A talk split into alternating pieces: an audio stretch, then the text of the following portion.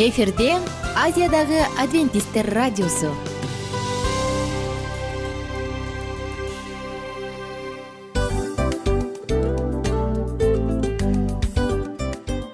Достор салют. Баардык сүйүктүү угармандарыбызга салам айтабыз. Кутман күнүңүздөр менен. Ден соолук өмүрдүн булагы демекчи саламат саамы программасында баарыңыздарды көргөнүбүзгө абдан кубанычтабыз. Анда алгач амандашып өтөлү арбаңыздар деп. Ден соолугуңуздар кандай элибизде көбүнчө ден соолук кандай дегенде эле жакшы деп жооп беребиз э? ооруп турсак дагы жакшы дейбиз. Анан мен муну айтып ойлойт элем бул абдан сонун сөз депчи анткени бул жакшы деген үмүт да э ооба баары жакшы болот. Баары сонун. Деп үмүттөнүп атып эле өзүбүздү өзүбүз дарылап коебуз. Анысы кандай? Сиздин дагы ден соолугуңуз жакшы беш деген үмүттөбүз чындыгында ден соолук бул өмүрдүн булагы деп бекеринен айтылган эмес деп ойлойм. Кыргыз элинде анткени эгерде ден соолук жок болсо анда адамдын жашоосунда калган баардык керектүү маңыздуу нерселер өзүнүн баалуулугун жоготуп коет. Ошондуктан ден соолук бул эң керектүү нерсе. Ооба туура айтасың кесиптешим чынында ден соолугуң жок бир эки үч күн ооруп калсаң эле кандай болуп калат? Жашоодо көз каранды болуп каласың көп нерсеге жетишпей каласың көп нерсени кыла албай каласың жада калса эчке дүкөнгө да чыга албай каласың. Туптуура анан ден соолук болсо демек биз биздин бактыбыз тоодой деп койсок болот. Анда достор саламат саамы рубрикабызды баштайлы. Алдыда өзүңүзгө керектүү болгон сонун кеңештерди уга аласыздар. Мына ошондуктан биз менен бирге болуңуздар. Ал эми биз болсо милан жана айнура. Кеттик алга. Алга саламат саама ден соолуктун жарчысы. Саламат саама ден соолуктун ачкычы. Күн сайын сиз үчүн мыкты кеңештер сонун жаңылыктар кызыктуу фактылар. Биздин рубрикада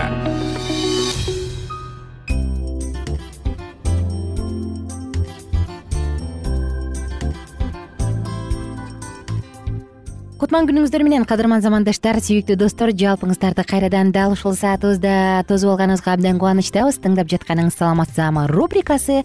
Жана сиздер менен бирге бүгүн простатиттин гипертрофиясы деп аталган теманын үстүнөн сөз кылалы деп турабыз. Тилекке каршы дүйнөдө оорулардын миңдеген миллиарддаган түрлөрү бар. Баарын биз билбейбиз.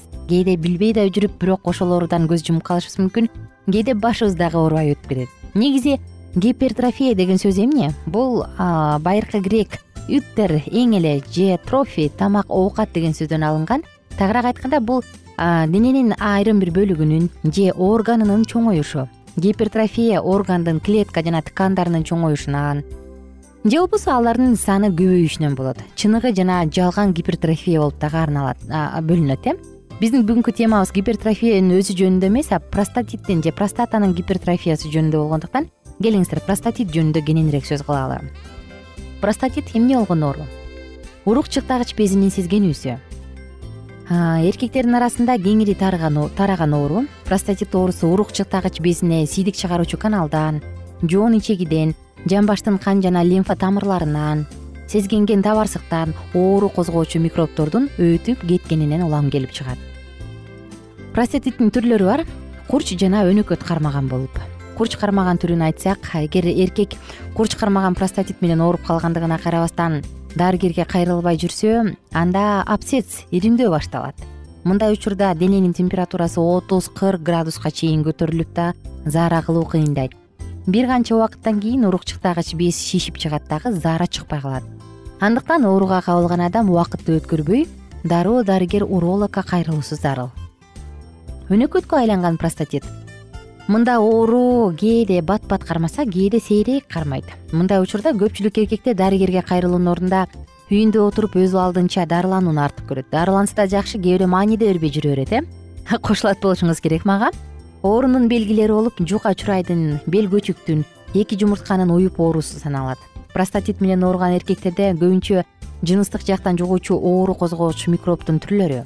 Хламидия ганокок же трихоминоз табылат простатитке кабылган эркек дарыгерге кайрылбаса сезгенүү андан ары жайылат. Эгер сийдик чыгаруучу канал аркылуу жайылса анда циститке пиелонефритке бөйрөктүн сезгенишине алып келет. Жыйынтыгында уруктуктун сапатын начарлайт дагы тукумсуздук келип чыгат. Мындай учурда дарылоо өтө узакка созулушу мүмкүн. Ошондой эле достор эмнени айтып келебиз? Эмнеден улам простатит пайда болот? Дененин суукка чалдыгуусунан аз кыймылдуулуктан узакка чейин жыныстык катнашта болбоодон дамама тиш катуу денедеги иммунитеттин начарлашы сезгенүүдөн келип чыккан оорулар жыныстык жактан жугуучу жана урологиялык оорулардын кесепети болушу мүмкүн. Андан ары уланталы достор простатитте физиотерапия ийне саюу дары ичирүү жана башка ар кандай ыкмалар менен дарылап келишет комплекстүү негизи комплекстүү дарылаган жакшы. Эгерде сунуш кылынган ыкмалардын бири колдонулбай калса анда айыгууга мүмкүн болбой калат. Ошондуктан эгер эркек айыгам десе анда сөзсүз түрдө дарыгердин карамагында болгону жакшы.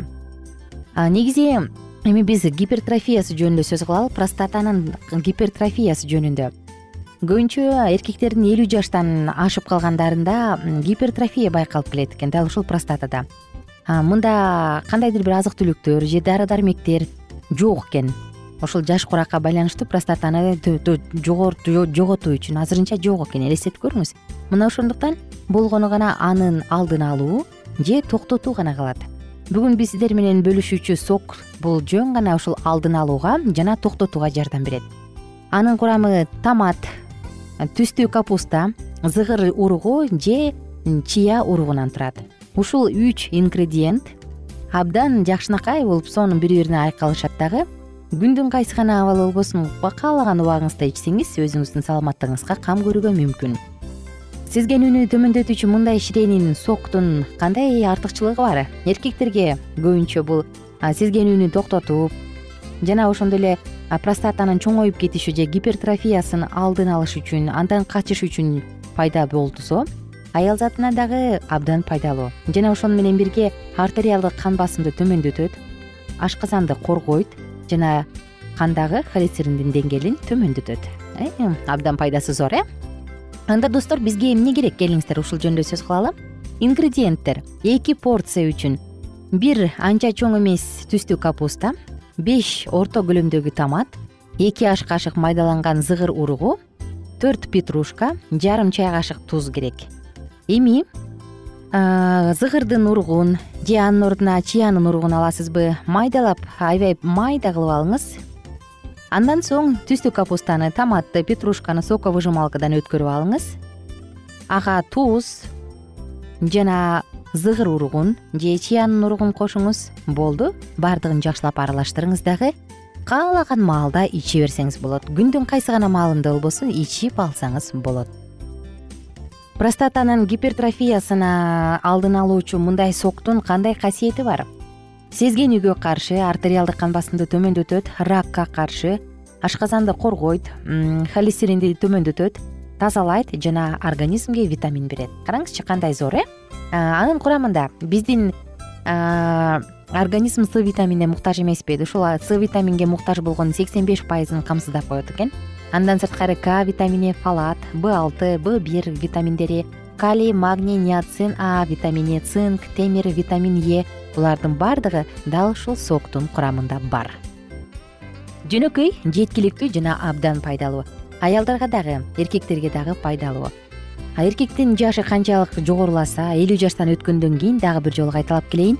Э, простата гипертрофияга дуушар болот. Тагыраак айтканда чоңое баштайт аны токтотуш үчүн жоготуш үчүн кандайдыр бир азык түлүктөр же дары дармектер жок. Ошондуктан достор муну алдын алыш керек же бирдей деңгээлде кармап туруш керек. Ал үчүн биз бүгүн айткан түстүү капуста томат зыгыр уругунан жасалган петрушкадан жасалган жөнөкөй гана ширени смузини ичип өзүңүздүн ден соолугуңузга кам көрсөңүз болот.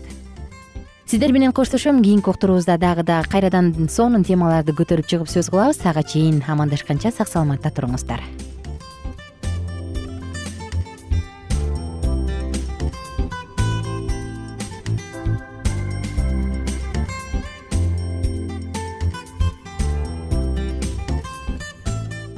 кененирээк маалыматтар үчүн үч w чекит саламат чекит клуб сайтына келип таанышыңыздар. Жана андан тышкары социалдык тармактарда youtube facebook жана instagram баракчаларына катталыңыз. Саламат саама ден соолуктун жарчысы. Саламат саама ден соолуктун ачкычы. Күн сайын сиз үчүн мыкты кеңештер сонун жаңылыктар кызыктуу фактылар. Биздин рубрикада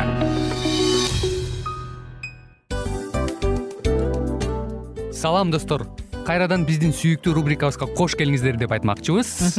Баардык замандаштарыбызга арбаңыздар деп саламыбызды айтабыз. Улуу ушундай бир урматтаган учурашуу менен анан дил маек радио баракчабызга чакырабыз. Негизи дил маек биздин рубрикабызда эмне жөнүндө кеп кылабыз бул дил маектин мааниси эмнеде рубрикабыз менен кичине тааныштырып кетсеңиз. Сөзсүз түрдө тааныштыра кетейин кесиптешим суранычы боюнча бул учурда бул радио баракчада биз ар тарап кесип ээлеринен сонун кеңештерди алабыз сүйлөшөбүз сырдашабыз. Аталарыбыздын эжелерибиздин апаларыбыздын кеңештерин угабыз айтор жан дүйнөгө адамдын э, сапатына адамдын деги эле адам болуп жашашына керектүү баардык кеңештер алдыда негизи э, дил маек дегенде баягы эки адамдын ортосундагы сырдашуу кенен сүйлөшүү. Негизи эле биз адамдар бири бирибиз менен бир жерге жай жерге отуруп алып өзүнчө тынч жашоо жөнүндө өмүрүбүздө эмне болуп атканын бөлүшкөнү жакшы көрөбүз э адамдар. Ооба туура айтасың анан мындай учурга кээде убакыт да жетпей келет э? Же болбосо сырыңды кайгыңды муңуңду кубанычыңды айткың келет а адамга ишенбешиң мүмкүн. Ооба. А бул радио баракча угармандарыбыздын чыныгы досу. Анткени бизден алган кеңеш сиздин жашооңузга чоң жардам берет. Ал эми сиздин бизге айта турган сөзүңүз ортодо гана сыр бойдон калат. Ошондуктан биздин дил маек рубрикабызга дагы бир жолу кош келиңиздер. Жана биз даярдаган маалыматтарга даяр болуңуздар. Айнура жана милан сиздер менен бирге алдыга кеттик ар түрдүү ардактуу кесип ээлеринен. Алтын сөздөр жүрөк ачышкан сыр чачышкан сонун маек. Дил маек рубрикасында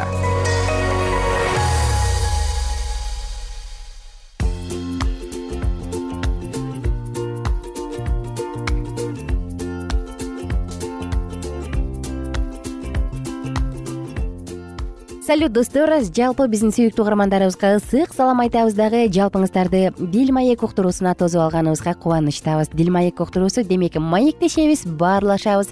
Жан дүйнөбүздө болуп жаткан сонун өзгөрүүлөр менен жан дүйнөбүздө болуп жаткан күрөш менен күрөшөбүз жана бөлүшөбүз. Анткени бул дил маек уктуруусу. Достор бүгүн сиздер менен дил маекте күң кыз деген теманын үстүнөн сөз кылабыз. Эске сала кетсем бул аял жубай жана эне деп аталган цикл сонун аял затынын сонун аялдардын тарыхтагы жашоосу менен бөлүшүп жаткан чагыбыз жана бүгүн кудай жөнүндө айтканын токтотпогон күң кыздын жашоосунан бөлүшөлү деп турабыз. Анда эмесе алдыны көздөй жөнөдүк. Бул жерде ар бир адам өзү жооп бериши керек болгон суроо азыр сенде жок нерсе жөнүндө эмес. Мисалы эгерде сенин акчаң убактың көп болсо же мыкты тарбия алган болсоң теңир үчүн эмне кыла алат элең деген суроо эмес. Бул жерде сөз сенин жашоодо ээлеген ордуң.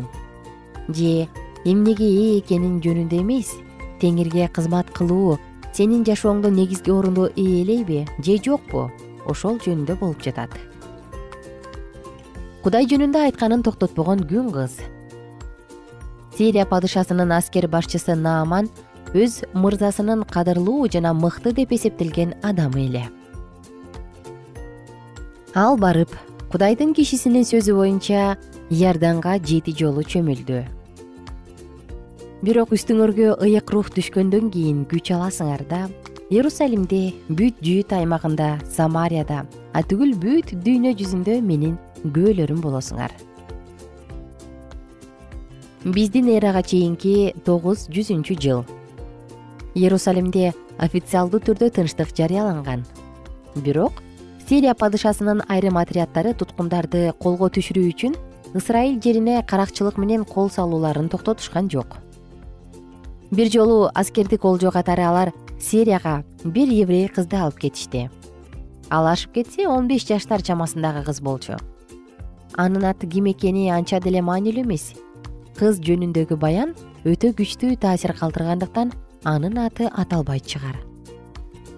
Ал кыз сириялык кадырлуу аскер башчы наамандын аялынын күңү болуп калган. Нааман аскердик иштерине жараша падышанын урматтоосуна арзыган таланттуу аскер башчы. Дамасктагы кул базарда туруп жакшы үй бүлөгө туш болушуна кыздын кудайдан корккон ата энесинин сыйынуусу себеп болобу же өзүнүн кудайдан жардам сурап сыйынуусу себеп болдубу? Ким билет? Бирок немандын башына чоң кырсык түштү. Ал пес оорусуна чалдыкканын көрүп үрөйү учту.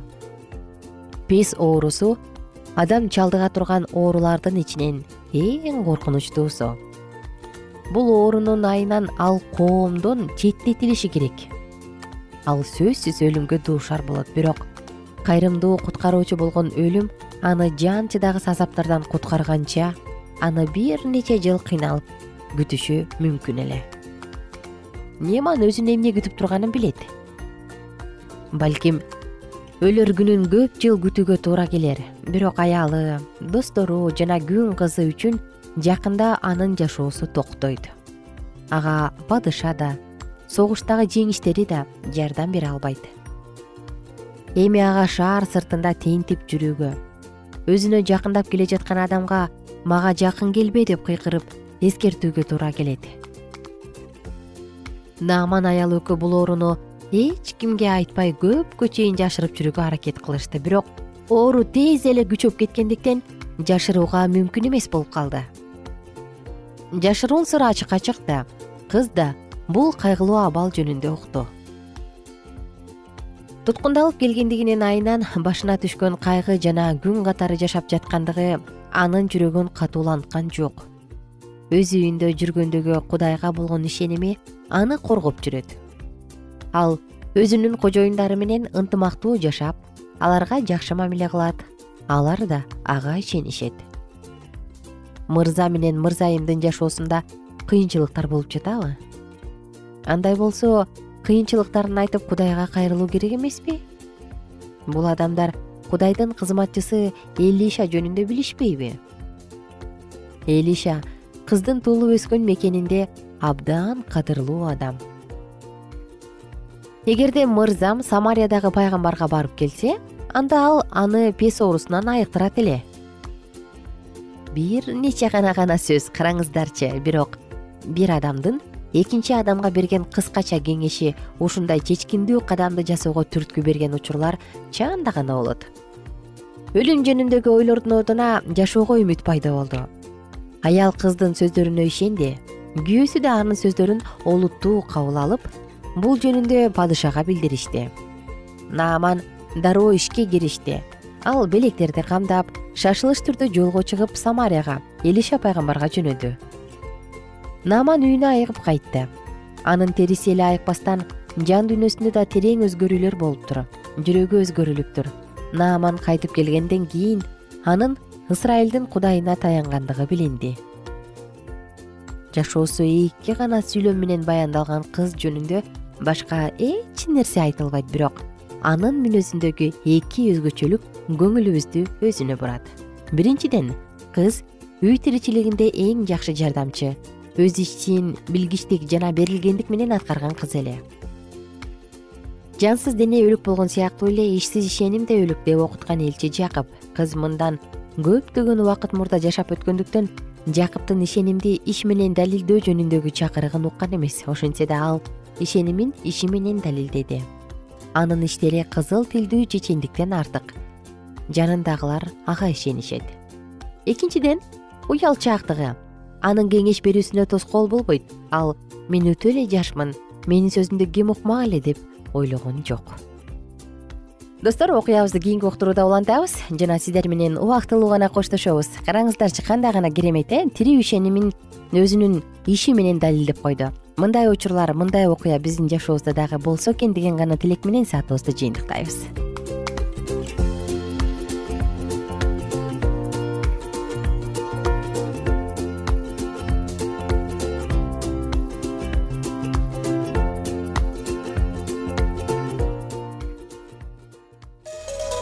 ар түрдүү ардактуу кесип ээлеринен. Алтын сөздөр жүрөк ачышкан сыр чачышкан сонун маек. Дил маек рубрикасында.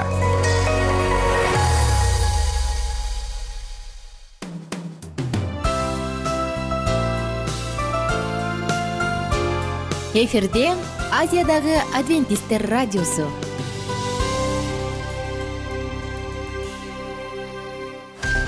жан дүйнөңдү байыткан жүрөгүңдү азыктанткан жашооңо маңыз тартуулаган жан азык рубрикасы.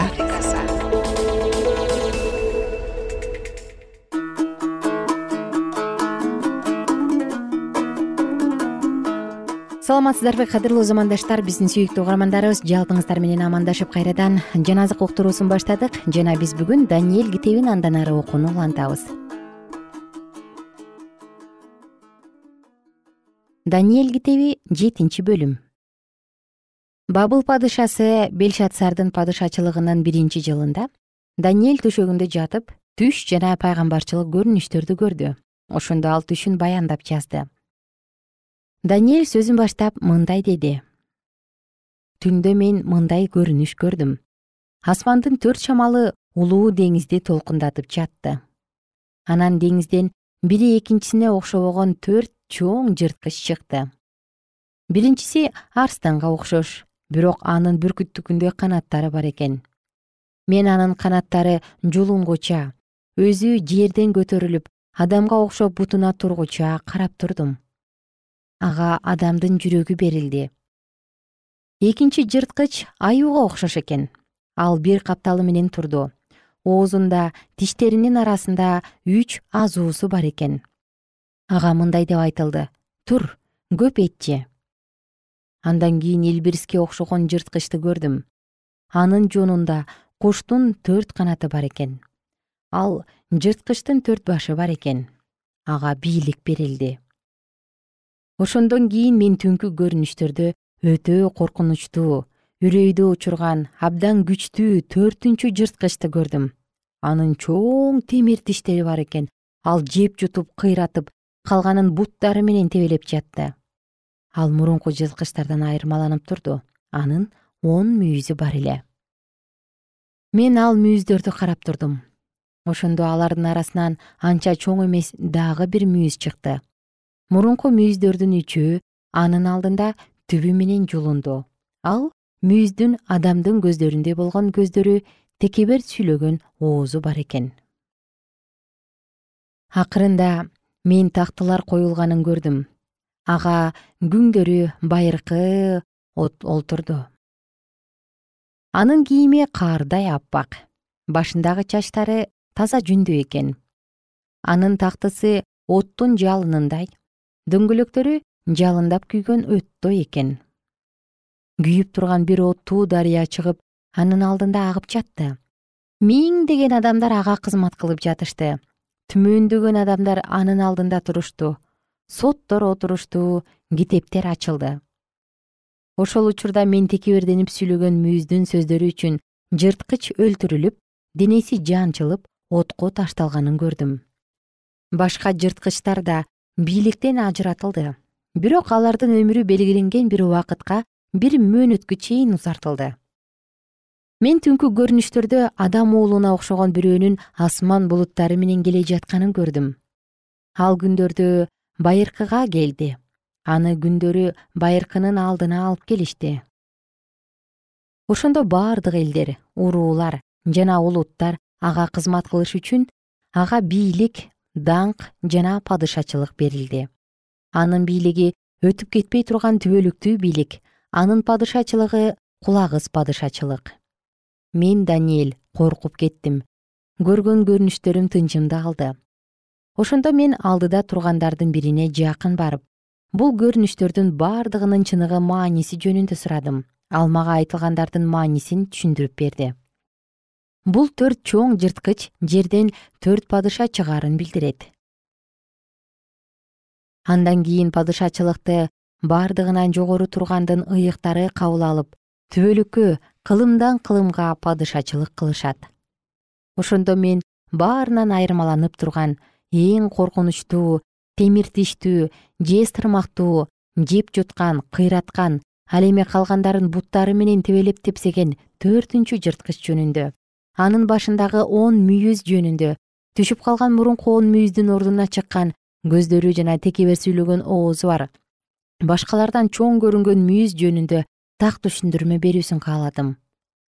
Мен ал мүйүздүн ыйыктар менен салгылашканын күндөрү байыркы келип сот иши бардыгынан жогору тургандын ыйыктарына берилгенге чейин падышачылыкты ыйыктар ээлей турган убакыт келгенге чейин аларды жеңгенин көрдүм.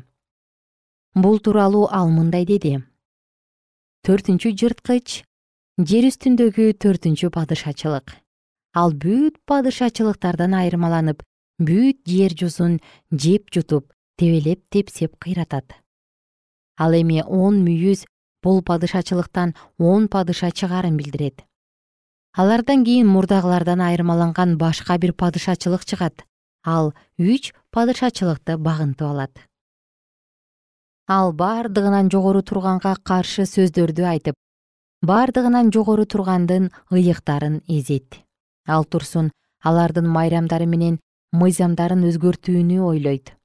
Алар биз бир мезгилге мезгилдерге жана жарым мезгилге чейин анын колуна берилет. Андан кийин соттор чогулушат. Аны бийликтен ажыратышат. Аны биротоло кыйратып жок кылышат. Падышачылык да бийлик да. Асман астындагы падышачылык улуулугу да падышачылыгы түбөлүк болгон бардыгынан жогору тургандын ыйык элине берилет бирок падышалар ага кызмат кылышат ага баш ийишет. Сөздүн аягы ушул. Мен даниэль өзүмдүн ойлорумдан аябай тынчым кетти. Өңүм бузулду бирок бул сөздү жүрөгүмө сактадым даниэль китеби сегизинчи бөлүм. Белшатсардын падышачылыгынын үчүнчү жылы мен даниэль мурунку көрүнүштөн башка көрүнүш көрдүм мен ал көрүнүштү көрүп жатканда эйлам дубанындагы борбор шаар шушанда элем мен ал көрүнүштө улай дарыясынын жээгинде жүрүптүрмүн башымды көтөрүп дарыянын жээгинде бир кочкор турганын көрдүм. Анын эки мүйүзү бар экен. Эки мүйүзү тең узун экен бирок бир мүйүзү экинчисинен узундураак экен. Узуну кыскасынан кийин көтөрүлдү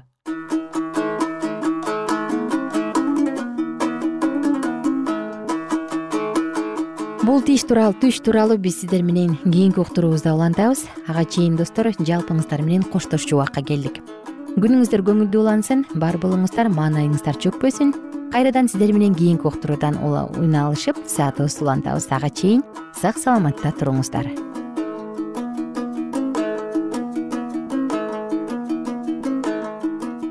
Эгер сиздерде суроолор болсо же көбүрөөк маалымат билем десеңиз анда биздин whatsapp номерибизге жазыңыз. Плюс бир үч жүз бир жети жүз алтымыш алтымыш жетимиш. Кайрадан плюс бир үч жүз бир жети жүз алтымыш алтымыш жетимиш.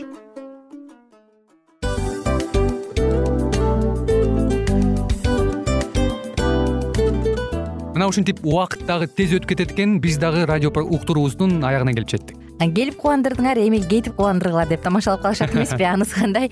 Радио баракчабызды программабызды азыр эле баштап аткандай болдук элек мына соңуна келдик э? Негизи убакыт э, билинбей өтүп кетет экен? Мен дагы убакыт дегенде бүгүн бир адам менен сүйлөшүп калдым. Анан убакыт бул мүмкүнчүлүк деп айтып өзүмө өзүм айтып алып анан мага өзүмө эле кайра ачылыш болду да чын эле э карап отурсаң ошол эле жыйырма төрт саат ошол эле жарым саат кайталанып атат. Бирок сендеги мүмкүнчүлүк жок ошол кой берилип кетти? Анысы кандай? Бүгүнкү сонун убактыңызды алтындай болгон жарым саатыңызды бизге бөлүп арнаганыңыз үчүн ыраазычылык айтабыз.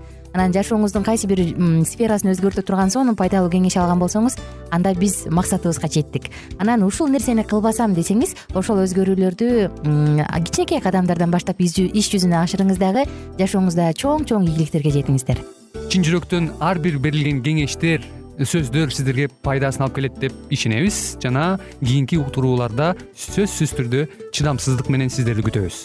Сагынычтуу салам айтып кайрадан дал ушул жыштыктан баардыгыңыздарды тосуп алганча кызматта мен айнура жана кесиптешим милан анда кол пул каалайбыз жалпыңыздарга ийгиликтүү күн. Саламатта калыңыздар